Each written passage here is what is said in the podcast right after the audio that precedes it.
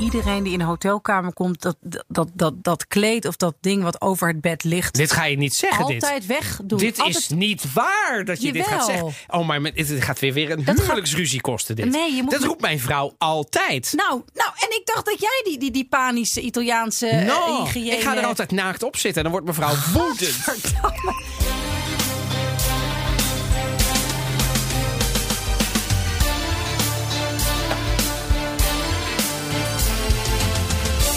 Welkom bij aflevering 34 van de Italië-podcast. Ik ben Evelien Redmeijer. En ik ben Donatello Piras. En deze aflevering gaan we het hebben over het Made in Italy. Oftewel innovatie en maakindustrie in Italië. Hoe staat het ermee?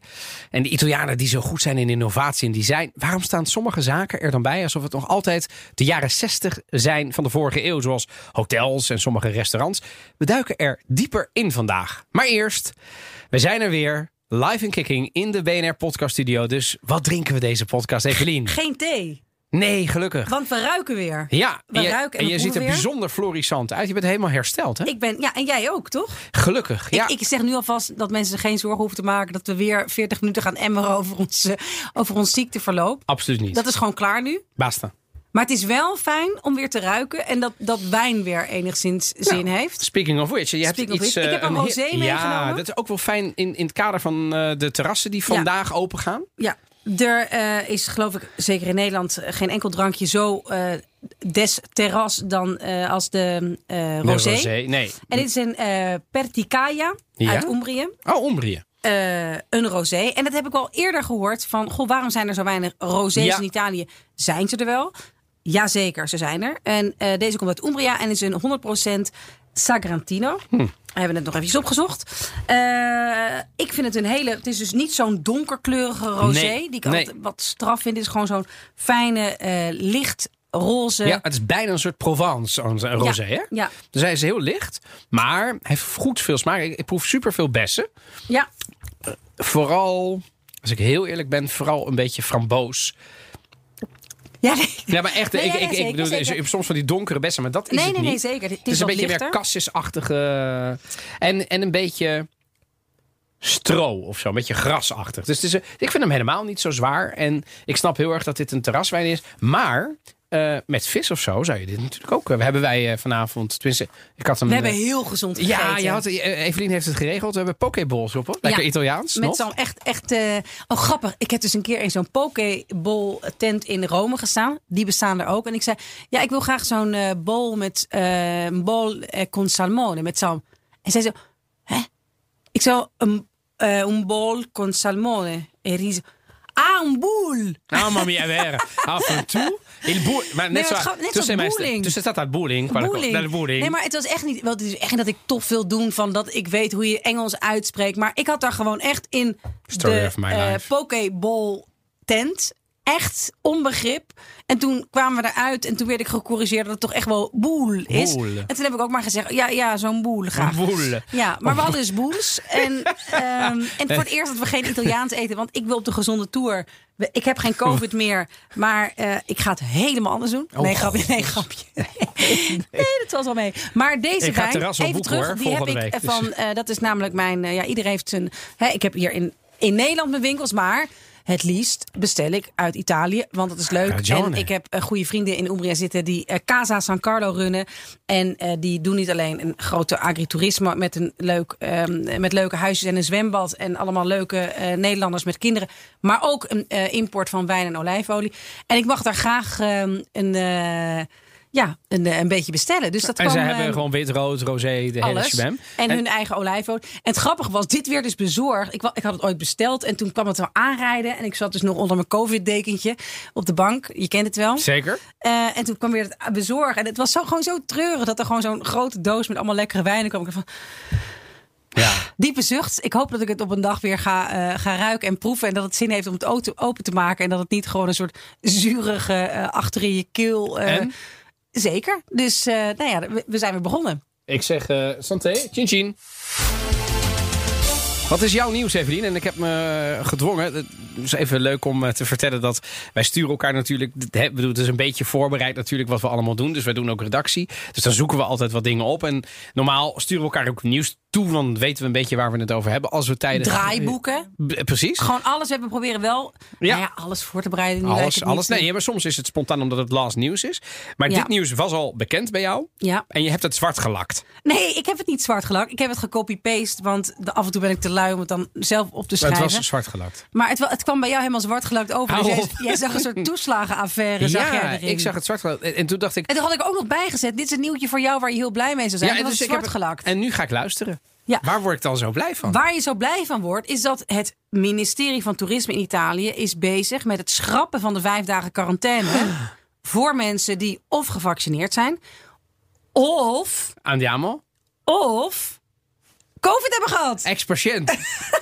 Echt waar. Ja. Omdat wij de antistoffen hebben. Ja, dus Geen ik heb, vijf jou, dagen ik, heb jou niet, ik heb jou niet alleen COVID gegeven en, eh, en, je- en je echtgenoot, maar ook een soort vrijstelling van die quarantaine. Dus- Zo moet je het vanaf nu gaan zien. Ah, mamma mia. En wanneer gaat dit in? Weet ik niet. Het is allemaal nog. Ze zijn ermee bezig. Dus het is allemaal. Ik heb dit van een. eh de, Nou. eh, Nou, ik ben- de ik ben er wel blij mee. correspondent. Maar Dus- dit is niet het enige nieuwtje van jou. Nee, zeker niet. Het, het treurig, komisch, nou ja, een soort tragicomisch nieuws in Italië. Het heeft ook de Nederlandse websites gehaald. Was namelijk iemand die bij de brandpreventiedienst heeft gewerkt eh, in Calabrië. En eh 15 jaar eh, betaald kreeg daarvoor, zonder dat hij naar zijn werk ging. Eh, en wat ik een erg geestig detail vind, is dat de politie, het politieonderzoek dat dus deze zaak aan het licht bracht, heet part-time. zeg maar een, een Ah. flinke understatement.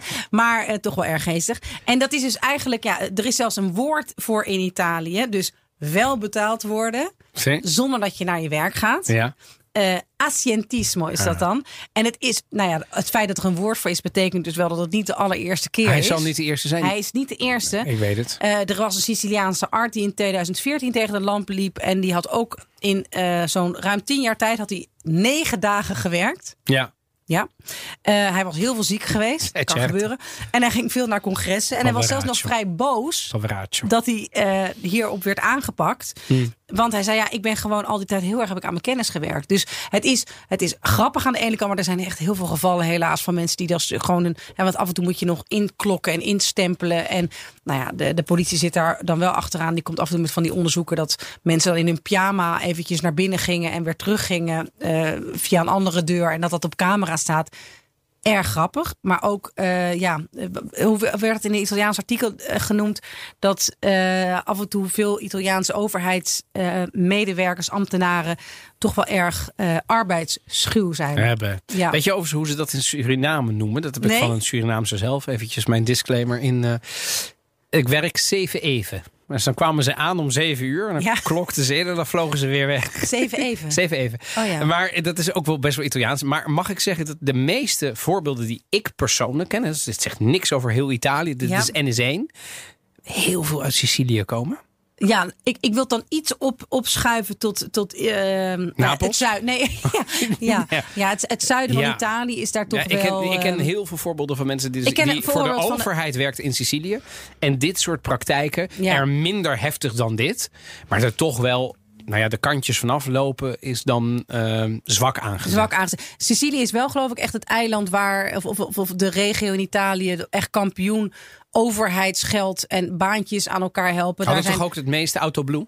Meeste autoblue, maar ook de meeste boswachters. Echt in gemeentes waar er misschien drie bomen staan, hadden ze twintig man per boom om die bomen te beschermen. Dat, er, dat ze niet in brand werden Voor de gestoken. mensen die overigens meer willen weten over Autoblue en dit soort privileges. We hebben ooit een keer een aflevering gemaakt. De even- kasten. De kasten, La Ja. Casta Italiana. Ja. Waarin we uitgebreid praten hierover. Dus dan Ja. kunnen we het nu ook korter Zeker houden. uitgebreid, want Eh. we doen niet anders. Ja. Nou ja, en we houden ons altijd aan de tijd. Zeker, we. Wat er is zijn, jouw er zijn een podcast van anderhalf uur, hè? Hebben we nog nooit gehaald. Nee. Nou, mijn nieuws gaat over COVID. Ik ga toch wel even terug. En dan ga ik nu weer naar het... eh, ik ben toch altijd een beetje aan het tut in het noorden. Dus ik ga naar Milaan. Ja. Eh, pa- eh, conosci il Palazzo delle Scintille? Het Nee. paleis van de vonken. Nee, ik tot voor kort ook niet. Nee. Maar het is in, inmiddels het is omgebouwd en het, is, het staat in Milaan. En het, is, het staat klaar voor het gebruik met, voor eh, vaccins. En het wordt de grootste hub in Italië. Vaccinatiecentrum. ehm, geopend op 25 april. Dus op de Vintage Aprile, hè, de dag van de, van de bevrijding. Bevrijding. En het wordt het grootste vaccincentrum tegen COVID in heel Italië. Het begint met extreem kwetsbare mensen. En het duurt dus om 10.000 mensen per dag te vaccineren. En uiteindelijk om 100.000 mensen per week te doen. Dat, dan denken mensen, maar dat is niet heel veel. Maar dit gaat over één centrum in Milaan. Hè? Dus dat betekent, bedoel, dat, dan is het best veel. En ze gaan iedere dag open. Ook dit weekend van 8 tot 8. En ik heb, het, ik heb foto's gezien van de binnenkant. Dus denk aan een soort jaarbeurs. Met allemaal vakjes. Ik weet niet hoeveel square meters ze daar hebben. Dus ik, ik, ik moet zeggen, het, het zag er prominent uit. Ik had het twee maanden eerder geopend willen zien in Italië, als ik eerlijk ben. Maar stel nu dat ze de aantallen halen, 10.000 per dag. En misschien nog wel iets meer. Dan zou het in Lombardije, de dichtstbevolkte regio van Italië, ineens wel heel snel kunnen gaan. Want ze willen ook in Italië, waar we dit meer gehoord, in juli klaar zijn met vaccineren. Althans, iedereen minimaal één vaccin hebben gegeven. Juli, begin. Denk je dat ze dat halen? Nou, nou, ze zijn al behoorlijk opgeschoten met mensen die het niet per se nodig hebben. Daar hebben we het al eerder Ja, over gehad. Zeker. Eh, Ja, allemaal, eh, iedereen, ongeveer iedereen voor, die, voor de overheid die werkt tot, eh, kreeg op een gegeven moment een vaccin, want werkte met mensen. En dan hebben we het over mensen bij de politie, eh, mensen die eh, eh, rechters, nou, noem maar op. Ook mensen waarvan je denkt van ja, goh, is dat nou echt zo nodig als er nog allerlei eh, 80, 90-plussers eh, gevaccineerd moeten worden? En de dodenaantallen helaas eh, laten dat ook zien dat het Ja. allemaal niet goed gaat. Dus ik vind echt. eh, eh, ik ben niet erg te spreken over hoe het vaccineren bij ons gaat. Maar in Italië gaat het niet heel veel beter. Overigens nog even over onze COVID. Mhm. Gooi hem niet weg, hè, onze COVID. Ik vind wel echt aandoenlijk, nee niet aandoenlijk, hartverwarmend... hoeveel aardige reacties wij van Ja, onze luisteraars. Ja, dat is ook weer heel fijn. Ja. Ja. Ja, ik heb vandaag eh, heeft, eh, of, eh, heeft mijn vrouw nog even, want die is ook weer begonnen met werken. En die heeft Ja. het ook op Insta gezet. En toen kreeg ik ook best wel veel hartverwarmende. Dus dat doet, dat doet het goed. En wat nog veel beter is, is naar buiten kijken en weten dat je het al gehad hebt. En dat Ja. de lente In loopt. aantocht is. The Made in Italy trademark, despite being a relatively recent phenomenon, has also developed thanks to a series of fortunate coincidences, a reality to be framed in the extensive perspective of Italian tradition and culture. The Made in Italy trademark is the recognized expression of a tradition of arts and trades, of craftsmanship and industrial know how, and a great attention to detail gained over the decades. A pervasive ability to create beauty, to recognize beauty, and to carry it forward. Nou, we gaan het hebben over Made in Italy. Innovatie in Italië. Vroeger, hoe het nu gaat. Ehm, en laten we heel even beginnen met hoe het begon. Nou, Italië die heeft grote periodes van innovatie gehad. Dat memoriseren onze luisteraars ook vaak. Grote uitvinders zoals Antonio Meucci. De telefoon ontdekte. De jacuzzi. Dat is een Italiaanse immigrant in de VS geweest. Dus Heeft hij de jacuzzi? Jacuzzi, eh, Italiano. Maar jacuzzi, ja, heeft hij, ja dat was Maar- de familie Jacuzzi. Echt? Ja, Grappig. Marconi. Radio. de radio? Ja, eh, hebben we dan altijd de Marconi Award in Nederland. Eh, eh, Volta, Volt hè, noemen we die. De Ja. elektriciteit, de batterij. En grote uitvindingen als de aarderon, Galileo Galilei. Liposuctie is ook een Italiaanse uitvinding. En het espresso-apparaat, dat is niet zo heel bijzonder. En dan heb ik het nog niet eens over Leonardo da Vinci. En nou ja, al die andere grote meesters die worden aangehaald. Ehm, als jij daaraan denkt, Evelien, wat is nou een beetje een vreemde eend in de bijt? Dat ik oh ja, dit komt ook nog uit Italië. Wat is... Nou ja, ik moest even aan ja- jacuzzi. eh, had ik, daar had ik nog nooit van gehoord. Nee, maar je is wel gek, hè? Ja. De Cristofori, de uitvinder van de pianoforte. En je hebt eh, die geweldige Stradivari violen. Stradivarius violen. Stradiva. Sta- ja, Stradivari. ja. Onbetaalbare Zijn violen. duur. Eh, Volgens mij heeft eh, Jaap van Zweden er een. Hè? Die heeft Ja. een Stradivarius. Nou, dat zijn dus, dus die nou, ontzettend indrukwekkend museum in Cremona. waar ik een keer een reportage heb mogen maken. Maar het is inderdaad, die lijst is ook tot, tot, tot Ja, die diep is- in de oudheid. eh Ja. gaat Ze het konden daar door, best toen wij wel hier wat nog in Berenvelen rondliepen. nou, ja, nou ja, soms wel. Maar ze, ze konden daar wel wat in die tijd. Overigens, de grap vind ik wel. Dat, we- eh, je noemde er zelf Cristofori. Eh, mijn vader heeft heel lang in een Italiaans koor eh, gezongen. Het, het Coro Italiano Laia. ja. Het enige Italiaanse koor in Den Haag. En ehm, daar, organist heette daar. Cristofori. Zie.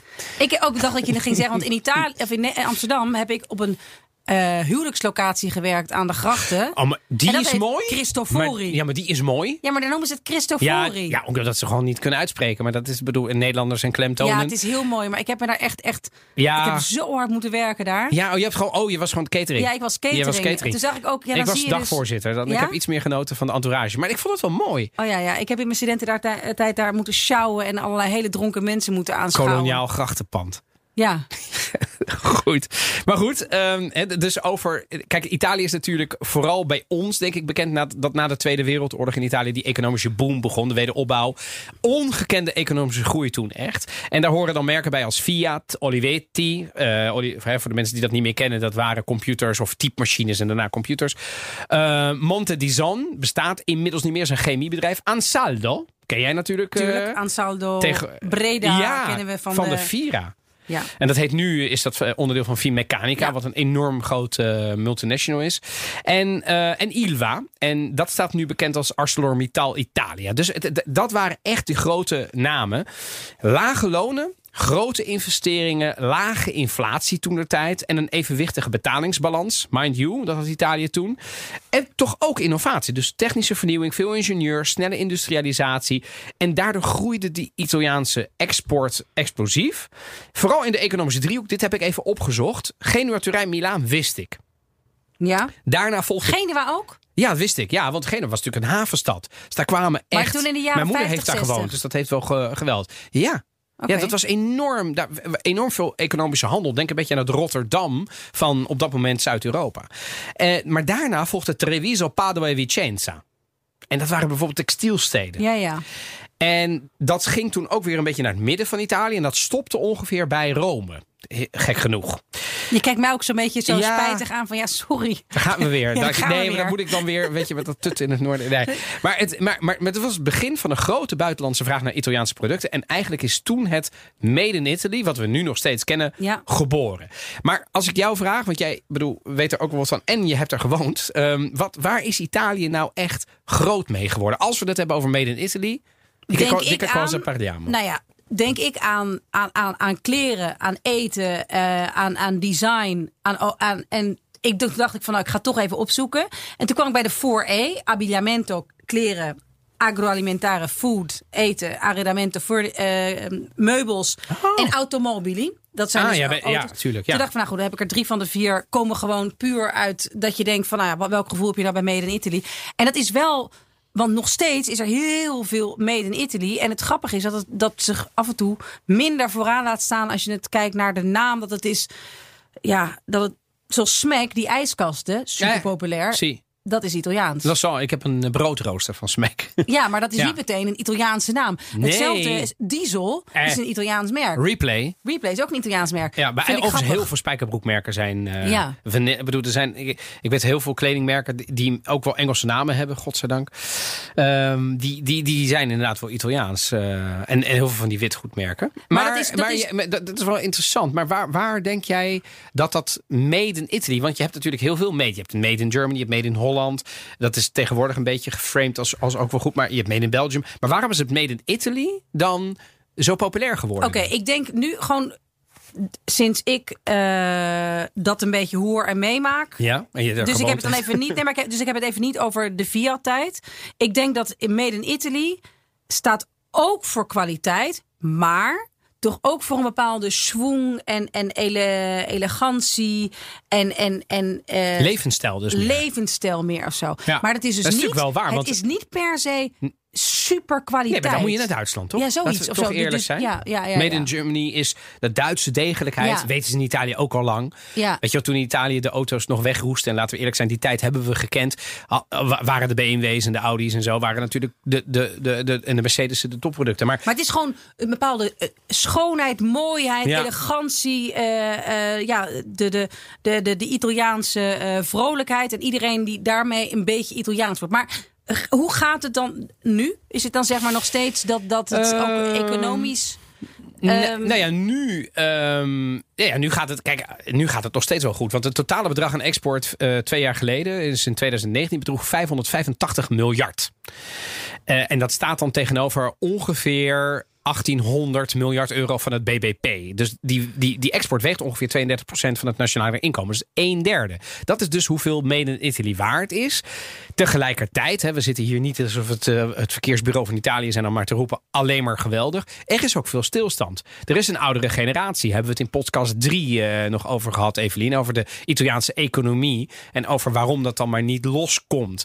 En eh, het blad, of de online magazine moet ik zeggen, Innovations Origin. Die dus in innovatie volgt in Italië. Die zegt hierover het volgende. Ik ga nu even citeren. De digitale revolutie hebben we een beetje gemist. We waren er 40 jaar geleden sterk in. Denk aan computermaker Olivetti. Maar ja, wie heeft er nu nog een Olivetti? Maar op de een of andere manier is dat verloren gegaan. En we hebben ook geen grote softwarehuizen bijvoorbeeld in Italië. Dus ik koppel dat dan aan de brain drain. Hè, van heel veel knappe koppen die vooral naar het buitenland gaan vanwege slechte betalingen en infrastructuur. En dan heb je ook nog de vergrijzing. Dus ik zie best wel een paar dingen waarvan ik denk: wauw, dat is, dat, dat is niet per se heel goed. Dus het gaat nu goed omdat het Made in Italy nog altijd een icoon is.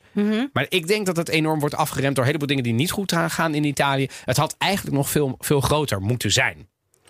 Um, en dan vind ik ook, als je kijkt naar multinationals. Wij in Nederland hebben best wel veel relatief klein land, grote multinationals. Italië heeft voor meer dan 70% uh, MKB-bedrijven. Small, uh, hoe zeg je Midden- en kleinbedrijf. Midden- en kleinbedrijf, ja. Uh, dat is negatief, want ja, kleine bedrijven maken natuurlijk... Je hebt heel veel kleine bedrijven nodig om heel veel geld te genereren. Wat ik er positief aan vind is... Je kunt natuurlijk als je een klein designmerk bent en je bent ineens heel goed, sta je zo op de Salone del Mobile of een kleine wijnmaker uit Umbrië. Die kan zo op de Vinitaly, de grootste wijnbeurs van Europa, staan en een topprijs winnen. En dan ineens in de drie sterren restaurants van Amsterdam geserveerd worden. Dus Ja, die en- bekendheid kan wel. weer. Ja, het, het kan wel. Dus de, dus de uitschieters. Maar af en toe denk ik wel, goh, hè, die, die, eh, dat, dat, dat vasthouden aan een bepaalde eh, traditie. Eh, cultuur en overtuiging dat, dat hoe dat altijd is gegaan, dat dat de beste manier is. Dat heeft ook een bepaalde remmende werking. En ik vind dat ook wel wat ik heb gezien bij. eh, ik, ik heb in Florence een tijdje gestudeerd. En dat is een belangrijke architectuurfaculteit. En daar wilden heel veel. Vrienden van mij die daar studeerden, wilden heel graag naar het buitenland. Nou ja, want uiteindelijk Berlijn. was. eh, ja, in Italië mocht je Nee, zeker. zo weinig. Mag Ja. je zo weinig? En hier wordt af en toe wel een beetje monsterlijke dingen neergezet in Ik heb, ik, heb een, ik heb dat met de danseressen gehad. Heel veel ex-collega's van mij. één seconde ga ik naar buiten. Want u hebt hier zo'n eh, automatisch licht. En het wordt nu opeens helemaal donker. En ik vind dat gewoon heel onheimisch. Dus praat jij één seconde door. Ja, nee, geen enkel probleem. We gaan eens eventjes kijken hoe dat, eh, hoe dat werkt. Ehm, eh, ik, nu wordt het licht gewoon aangedaan doordat uh, Evelien is nu door de ruimte van de redactie van BNR aan het rennen, dames en heren. Maar er is en het is gelukt. En Ja, er there was light. Ja. en er was light. Nee, ik snap het. Oh, ehm, ehm, het doet mij denken wat jij vertelt. eh, Ex-collega's van mij, danseressen. Die de dansacademie hebben gedaan in Milaan en in Mhm. Rome. Die wilden heel graag in eh, Rotterdam bijvoorbeeld dansen. Op het Ja. Codarts. Want daar deden ze moderne dans. Dat deden ze in Italië ook wel. Maar daar veel minder... ehm, eh, ja, hoe moet ik dat zeggen? Veel minder experimenteel diepgaand. Ja. En in Nederland waren ze dus veel experimenteler. Waren ze slechter in klassiek, zeiden ze. Maar ja, dat kennen we nou wel, Ja. zeiden ze dan in Italië. Hè, tuurlijk hebben we daar grote namen. Maar in Nederland zijn ze veel meer, eh, durven ze meer te experimenteren. En dat zouden we in Italië ook moeten doen. Ik heb het nu al over weer tien jaar geleden. Ja, en ik heb hetzelfde ook met, eh, met toneel meegemaakt. Eh, mensen die... Ja, in Italië zit heel veel Molière, heel veel Pirandello, heel veel Pirandello, Shakespeare. ja. Begrijp je? Maar het is prachtig. Echt de, echt de klassie, klassieke theater.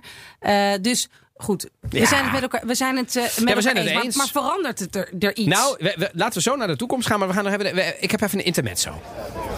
Even intermezzo. We gaan het even gezellig maken. Schenk jij nog even één keer bij trouwens. Oh ja. Ik heb wel even zin in een eh, rosé, rosato. Overigens, eh, dus toch nog even beklemtonen. Bijna ieder wijnhuis in Italië. Dus als je echt Italiaans rosé wil drinken, ga je gang. Het, het zijn meestal niet de meest prominente, maar ze zijn prima te doen. Eh, maar onze luisteraars die wilden ook weten, herinner ik me nog, uit bijvoorbeeld de... ehm, hoe heet die? De... ehm, nou, Clubhouse. Ja. Ik was even de naam kwijt. De Clubhouse-sessie. Waarom Italië dat bekend staat om design en smaak. Dan ook hotels. En Ja. die kennen wij toch allemaal. Je hebt hotels in Italië die echt... Nou, dat zijn best wel wat dure hotels. Maar dat zijn subliem. Zowel klassiek als modern. Maar er zit een hele grote middenklasse tussen... waarbij het gewoon vergaande glorie is. Ja. En dat heb je ook met resta- restaurants. Dat je denkt... Il mangiare è fantastico. Maar, de maar de- entourage, ja, jongens, ja, met het... met, met van die dikke, dikke tafelkleden en Waar glimmende ligt dat servetten. aan, Evelien? En ja, ja ik, ik weet het niet. Ja, dat, Ik, ga even, ik maak het nu weer even hard. Want dit was even wel, wel leuk. Zo. Ja, ja, ja, Ja. jij kan het waarderen. Maar ehm, ja, ja ik, ik weet het niet. Ik vind al- het heeft ook wel weer wat. Eh, dus ik vind het altijd wel weer leuk om daar Ja. te zijn als ik er tijd niet ben geweest. Ja. Maar ik stoor me er ook aan, vooral als er- toen ik er woonde, dat ik dacht van, ach, dit- ja, het is wel weer zo, ja, ja, de- modern, moderniseren af en toe is wat of zoiets.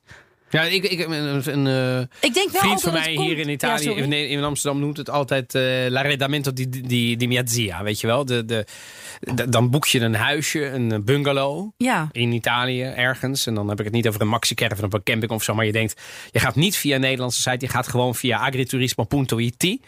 Ehm en dan kom je toch af en toe... Ja, toch een beetje het huis van Hans Gietje tegen. En de inrichting van Ja, Theelepel. Ja, en of hele eh, 35 keer gedrapeerde gordijnen, zo met Ja. allerlei kwastjes. ik moet zeggen, ik heb daar ook wel een zwak voor. Hè? Dus Ik ik, wil het, ik, ik, voor, ik, maar- ik moet daar niet alleen maar badinerend over doen. Want ik ga daar met alle liefde in als het maar niet vies is. En dat is het in Italië zelden. Want ze zijn wel hygiënisch. Hè? Het is niet dat de spinnenwebben in Ja, maar de... mensen, iedereen die in een hotelkamer komt, dat, dat, dat, dat, kleed of dat ding wat over het bed ligt, Dit ga je niet zeggen, dit. altijd wegdoen. Dit altijd... is niet waar dat je dit gaat zeggen. Oh, maar dit gaat weer weer een Dat gaat- huwelijksruzie kosten. Dit. Nee, je moet- Dat roept mijn vrouw altijd. Nou, nou, en ik dacht dat jij die, die, die panische Italiaanse eh, No, hygiëne... ik ga er altijd naakt op zitten en dan wordt mevrouw woedend.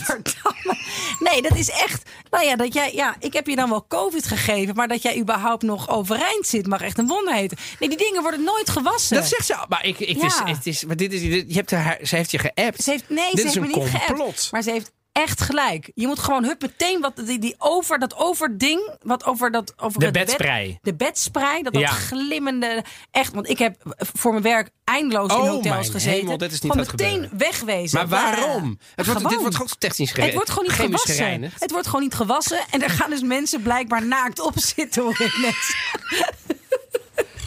Is dit Ja. erg? Ja. Goed, even terug naar, terug naar Italië. Eh, nee, ja, heel even toch nog blijven bij, bij onze intermezzo. Weet je waar? Even nog in het café. Weet je waar ik denk dat het aan ligt? Nou, De meeste van dat soort etablissementen worden gerund door de oudere generatie. oh zeker. Die en iedereen de blijft tot kant- 80, eh tot 80 daar zitten. ja, die zijn nu door COVID allemaal weggewiped. Ongeveer de hele generatie helaas in Italië. Maar het, het, ehm, het, wat je merkt is als oudere mensen of als de oudere generatie zo'n wijnhuis heeft, blijft dat hetzelfde etiket hebben. Ze veranderen er niks aan. Die zoons of die dochter neemt het over. Mhm. En er komt meteen een in- innovatieve wind. Alleen in Italië, dat hebben we ook al nogmaals volgens mij in, in aflevering 3 over de economie Wat verteld. ben je aan het terug? eh, Nou ja, omdat ik denk, ik wil, eh, ik, goed, ik hè, wil het maar doen omdat mensen dan kunnen dan terugluisteren Ja. over die enorme uiteenzetting van ons over die oudere goed. generatie. Maar dat, ik denk dat daar ook wel mee te maken heeft dat. Ehm, kijk, als mijn neef nu een hotel zou opzetten, dan gaat hij er natuurlijk ook een heel modern hotel van maken. Ja. Als mijn tante dat hotel zou hebben opgezet, had ze er tot op de dag van vandaag niets aan veranderd. Nee, er zouden er dus echt, eh, aan ieder kussen zouden minstens 40 kwastjes zitten. Zie? Ja. Ja. Ja, dat is een beetje. eh, Ja, en, en ja, daar moeten we. Maar goed, even, dat was het intermezzo. Dan even over de toekomst. Hè, om de, ons hoofdonderwerp over de innovatie te eindigen. Toevallig afgelopen weekend in NRC was econoom Marieke Stellinga. En die zei: de Italiaanse premier Mario Draghi. die dient binnenkort, nou dat binnenkort is deze week. een voorstel in voor meer dan 200 miljard euro. Hij wil breedbandinternet aanleggen door het hele land. overheid automatiseren. snellere treinverbindingen. gebouwen energiezuiniger maken. en waterstofprojecten stimuleren. Dat schreef de Financial Times ook deze week. Ehm, eerst even dan. Maar meteen de kritische journalistieke vraag. Evelien, dit heb jij wel vaker gehoord, toch? Ja, ook over dat breedband internet. Dat bedoel ik, ja. Daar waren ze al langer ook mee begonnen. Eh, het, het wordt natuurlijk heel interessant. Italië heeft al eerder een eh, premier gehad, een soort technicus, wat Mario Draghi natuurlijk is. Hè, Mario Monti. Ja, Mario Monti. Maar Mario Draghi als ex-voorzitter van de, van de Europese Centrale Bank... die heeft nogal nou ja, de, de, de, de last op zijn schouders... en de verantwoordelijkheid om het land eindelijk, eindelijk eens te hervormen. Dat, heb, dat is al eerder geprobeerd. Maar nu heeft hij ook nog eens een zak geld. Volgens mij kan je dan wel echt zaken doen. Dus, Ja. dus de verwachtingen zijn hoog gespannen. Maar, en, Maar en, en, als, je, als je ja. dan toch over Draghi hebt, eh, possiamo chiudere la parentesi. Ik heb veel meer vertrouwen in Draghi dan Monti. Zeker. Omdat Monti toch wel een beetje een technocratische professor was. Ja. Draghi is een man van de praktijk. Die man heeft gewoon instituten gerund. Als er iemand is die 222 miljard kan uitgeven op een normale, op een goede manier, Ja. met, met, met alle risico's van dien, is het wel eerder Mario Draghi dan welke Italiaanse premier van de afgelopen 30 jaar. Zeker. En het zou ook een beetje arrogant zijn als ik daar nu met eh, als, als, Nou, als, nou. Italiaanse podcast maak zeggen van nou. Nou ja, Mario- maar ja, we zijn hier ook om maar kritisch te zijn, hallo. Zeker. Ja. Maar ik ben wel. Kijk, wa- waar ik gewoon een beetje. Want nu krijg je weer. Allerlei reportages over. En de maffia gaat eraan zitten. Ja, dat, dat klopt inderdaad. Dat is een risico Ja, dat de maffia probeert allerlei subsidies te krijgen. Maar ik ben wel erg benieuwd. En het feit dat ze dus ook die treinverbindingen, wat je, wat je net noemde, naar het zuiden met name, dat ze dat er meer bij willen, Ja. willen betrekken. Energiezuiniger. Er is natuurlijk ontzettend veel zon, wind, licht. Er is heel veel te, te behalen. Waterstofprojecten. Dus ik ben, wel, ik ben wel heel benieuwd. Ja, dat er nu zo gefocust wordt op dat, gefocust wordt op dat. Ja, dat internet. Dat, Nou, dat, nee, meneer, ik is snap dat. Ja, oké. De COVID-crisis is de reden, is het cadeautje waarom dit eindelijk, denk ik, wel gaat lukken. Oké. In de COVID-crisis zaten meer dan een derde, volgens mij was het zelfs meer dan 40% in het zuiden van Italië, komen we weer, zonder lessen, omdat ze niet Ja. eens een Zoom-verbinding konden realiseren, omdat er geen internet in het huis was. Dus los, los van het feit dat er allerlei professori, leraren waren die weigerden om les te geven omdat ze daarvoor niet aangenomen waren. Dat, dat is een heel ander verhaal waarom er gemoderniseerd moet worden. Maar in het zuiden hadden gewoon mensen geen toegang tot het internet. Als je Italië, een G8-land of een G20-land, zo je wilt, in ieder geval een modern, rijk, nog altijd land. Als je dat mee wilt laten doen in de vaart der volkeren, kan het toch niet anders dan dat je van noord tot zuid een goede internetverbinding hebt. Dat kan toch niet anders? En dat is gewoon nog niet. En ik denk dat dat iedereen Maar wist is het, altijd al wel. Maar is het zo? eh, Ik weet het echt niet. Bijvoorbeeld in Amerika is daar over het hele land, over het hele continent, is er een supersnelle verbinding. Brava, ik, weet zou het niet weten. Ik zou Ik het ook niet weten. Maar in Nederland, laten we Nederland nemen. Denemarken. Nee, Nederland. Wel, Duitsland. Ja. Maar, maar ik, ik kijk, in Zwitserland heb met veel waar je bergen. af en toe naar twee, eh, nog El twee uur naar een bergdorp Maar moet- niemand moet vindt het erg als je, als je naar, op, op, op Quota Duemila eh, op je skidorp staat. En je kunt niet internetten. Waar je overigens vaker wel kan internetten, omdat ze het daar wel voor elkaar hebben. Ja, ik wou net zeggen. Maar in een dorp, in Puglia, in Calabria, in Sardegna, waar je niet kunt internetten, omdat de, de- er gewoon povere verbindingen liggen. En de staat kan daar iets aan doen. En ik denk dat de COVID-crisis dat als toch een soort accelerator voor elkaar heeft gekregen. Oké. Ehm, en dat eh, eh, zag ik ook. Eh, er komt een heuse, dat vond ik wel interessant vanuit Nederlands perspectief. Er komt een heuse Business Day Italy binnenkort. Voor Nederlandse ondernemers die zaken willen doen. Ehm, en dat heeft met name te maken met het feit dat de Nederlandse ambassade al een paar jaar de banden aan het aantrekken is sinds Brexit. En toen kwam er, hè, toen zijn we erachter gekomen. Hey, Nederland en I- Nederland, Italië is de zesde handelspartner voor Nederland. Dus zo belangrijk is Italië en Nederland voor elkaar. Ehm, dus ze zijn daar ook heel erg bezig om de investeringen die Draghi bijvoorbeeld nu aan het doen is. Daar gelooft Nederland heel erg in. Want we hebben zelfs een business day om direct daarvan. De handelsgeest van Nederland is fantastisch. Om daar meteen de vruchten van te plukken. Dat is gewoon een directe relatie. Heeft de Nederlandse ambassade opgezet dit. Dus ja, ik bedoel. Wij- wij zijn als Nederlanders daarop gaan zitten. Die zijn niet gek, toch? Vind ik wel weer heel erg, eh, ja, pro-Nederlands. Nou ja, ik weet niet. Oh ja, want, want als Nederland er- eromheen gaat, eh, gaat, gaat zwermen als, eh als hongerige dan zal het wel goed zitten. het zou kunnen hoor. Het zou maar ik bedoel, ik bedoel meer. Ik, kijk, ik heb gewoon ge- geprobeerd te kijken naar de toekomst. En normaal ben ik best wel negatief over de toekomst. Omdat de politieke klasse in Italië gewoon slecht is. Nu hebben we een Mario Draghi, Ja, waarvan En vriend en, zak vijand zegt. En een zak geld. Ja, en ook- de veel, omdat heel veel Italianen en imprenditori en, en scien- eh, scienziati, hoe zeg je dat, wetenschappers zeggen. We zijn het helemaal zat. en We willen best naar Italië. Maar, maar zorg dan voor een infrastructuur. Nou ja, ik denk nu of nooit. Gaan we naar de cultuurtip. Heb je daar zin in? Zeker. Oké, dan gaan we even luisteren naar de trailer. Mi scusi, dottore, ha chiamato sua moglie e non ho voluto disturbarla, ma poi è arrivata questa raccomandata. Ho pensato che fosse urgente. La banca. Sì. We luisteren naar de trailer van Enrico Piaggio Vespa, Un sogno italiano. Oftewel het verhaal van Enrico Piaggio. En denk je Piaggio, Piaggio, waar ken ik dat van? Piaggio is, was ooit een vliegtuigbouwer en is toen na de oorlog, we hebben het weer over die wederopbouw, het is een eh, passende tip en innovatie, heeft de Vespa gemaakt. En daar gaat deze film een beetje over. Is het een docu? Nee, het is een geromantiseerde film. En dames en heren, er is geen camera en we hebben nog geen locatieuitzending. Dus jullie kunnen de mimiek van Evelien niet zien. Maar ik wil best even nu de gelegenheid geven aan haar om te vertellen. Heb jij ook gekeken? Ja, ik heb ook gekeken. Ik heb het tot twee, twee keer geprobeerd. Gepro oh god. Ja? Nee, ja, het, het, het flauw is, want het, het, het boeit me wel. Ik, ik ben dol op de Vespa. Ik heb een oude Vespa hier in Amsterdam gehad. Eh, zo, Zo'n pruttelend ding die het eindeloos deed. En waar ik echt in mijn ogen de blits mee maakte. Ehm, dus ik ben echt wel de doelgroep. Maar ik vond, ja, ja, ik vond het... eh, Wat was er mis mee?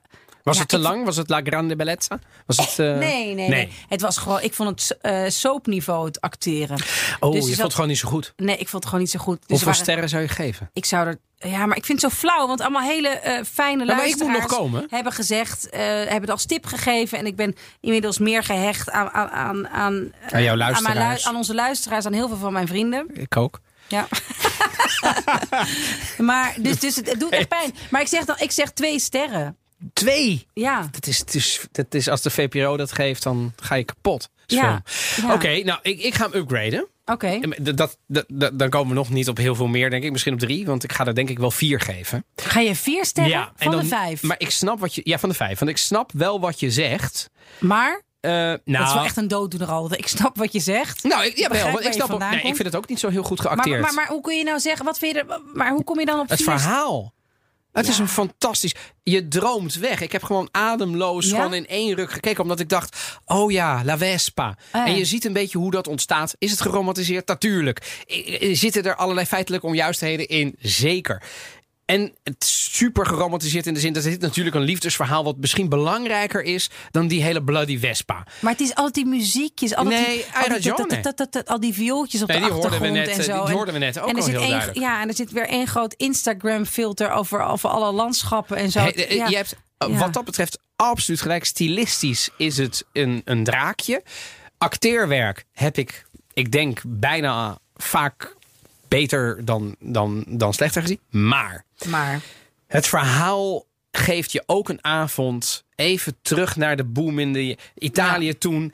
Eh, Zo'n zo'n Italiaan die dan getormenteerd, want allerlei vreselijke dingen gebeurt. Komt dan iemand tegen die eerst niet wil, dan wel weer wordt gedwarsboomd door de banken. En toch kwam die bloody, en dat wisten we natuurlijk al, die kwam die bloody Vespa Air.